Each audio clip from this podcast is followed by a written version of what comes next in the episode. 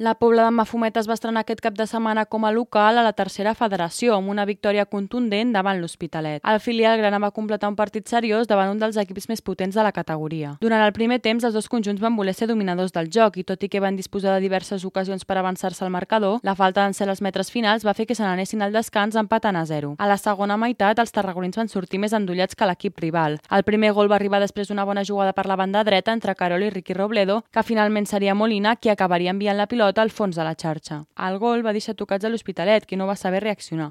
El filial grana va continuar insistint i finalment, després d'una bona jugada de Víctor Valverde, Marc Álvarez va sentenciar el partit amb un bon xut que va superar l'Iaga. Escoltem l'entrenador de la Pobla de Mafumet, Adolfo Baines. Hemos aprovechado pues, las, las, las, los acercamientos que hemos tenido.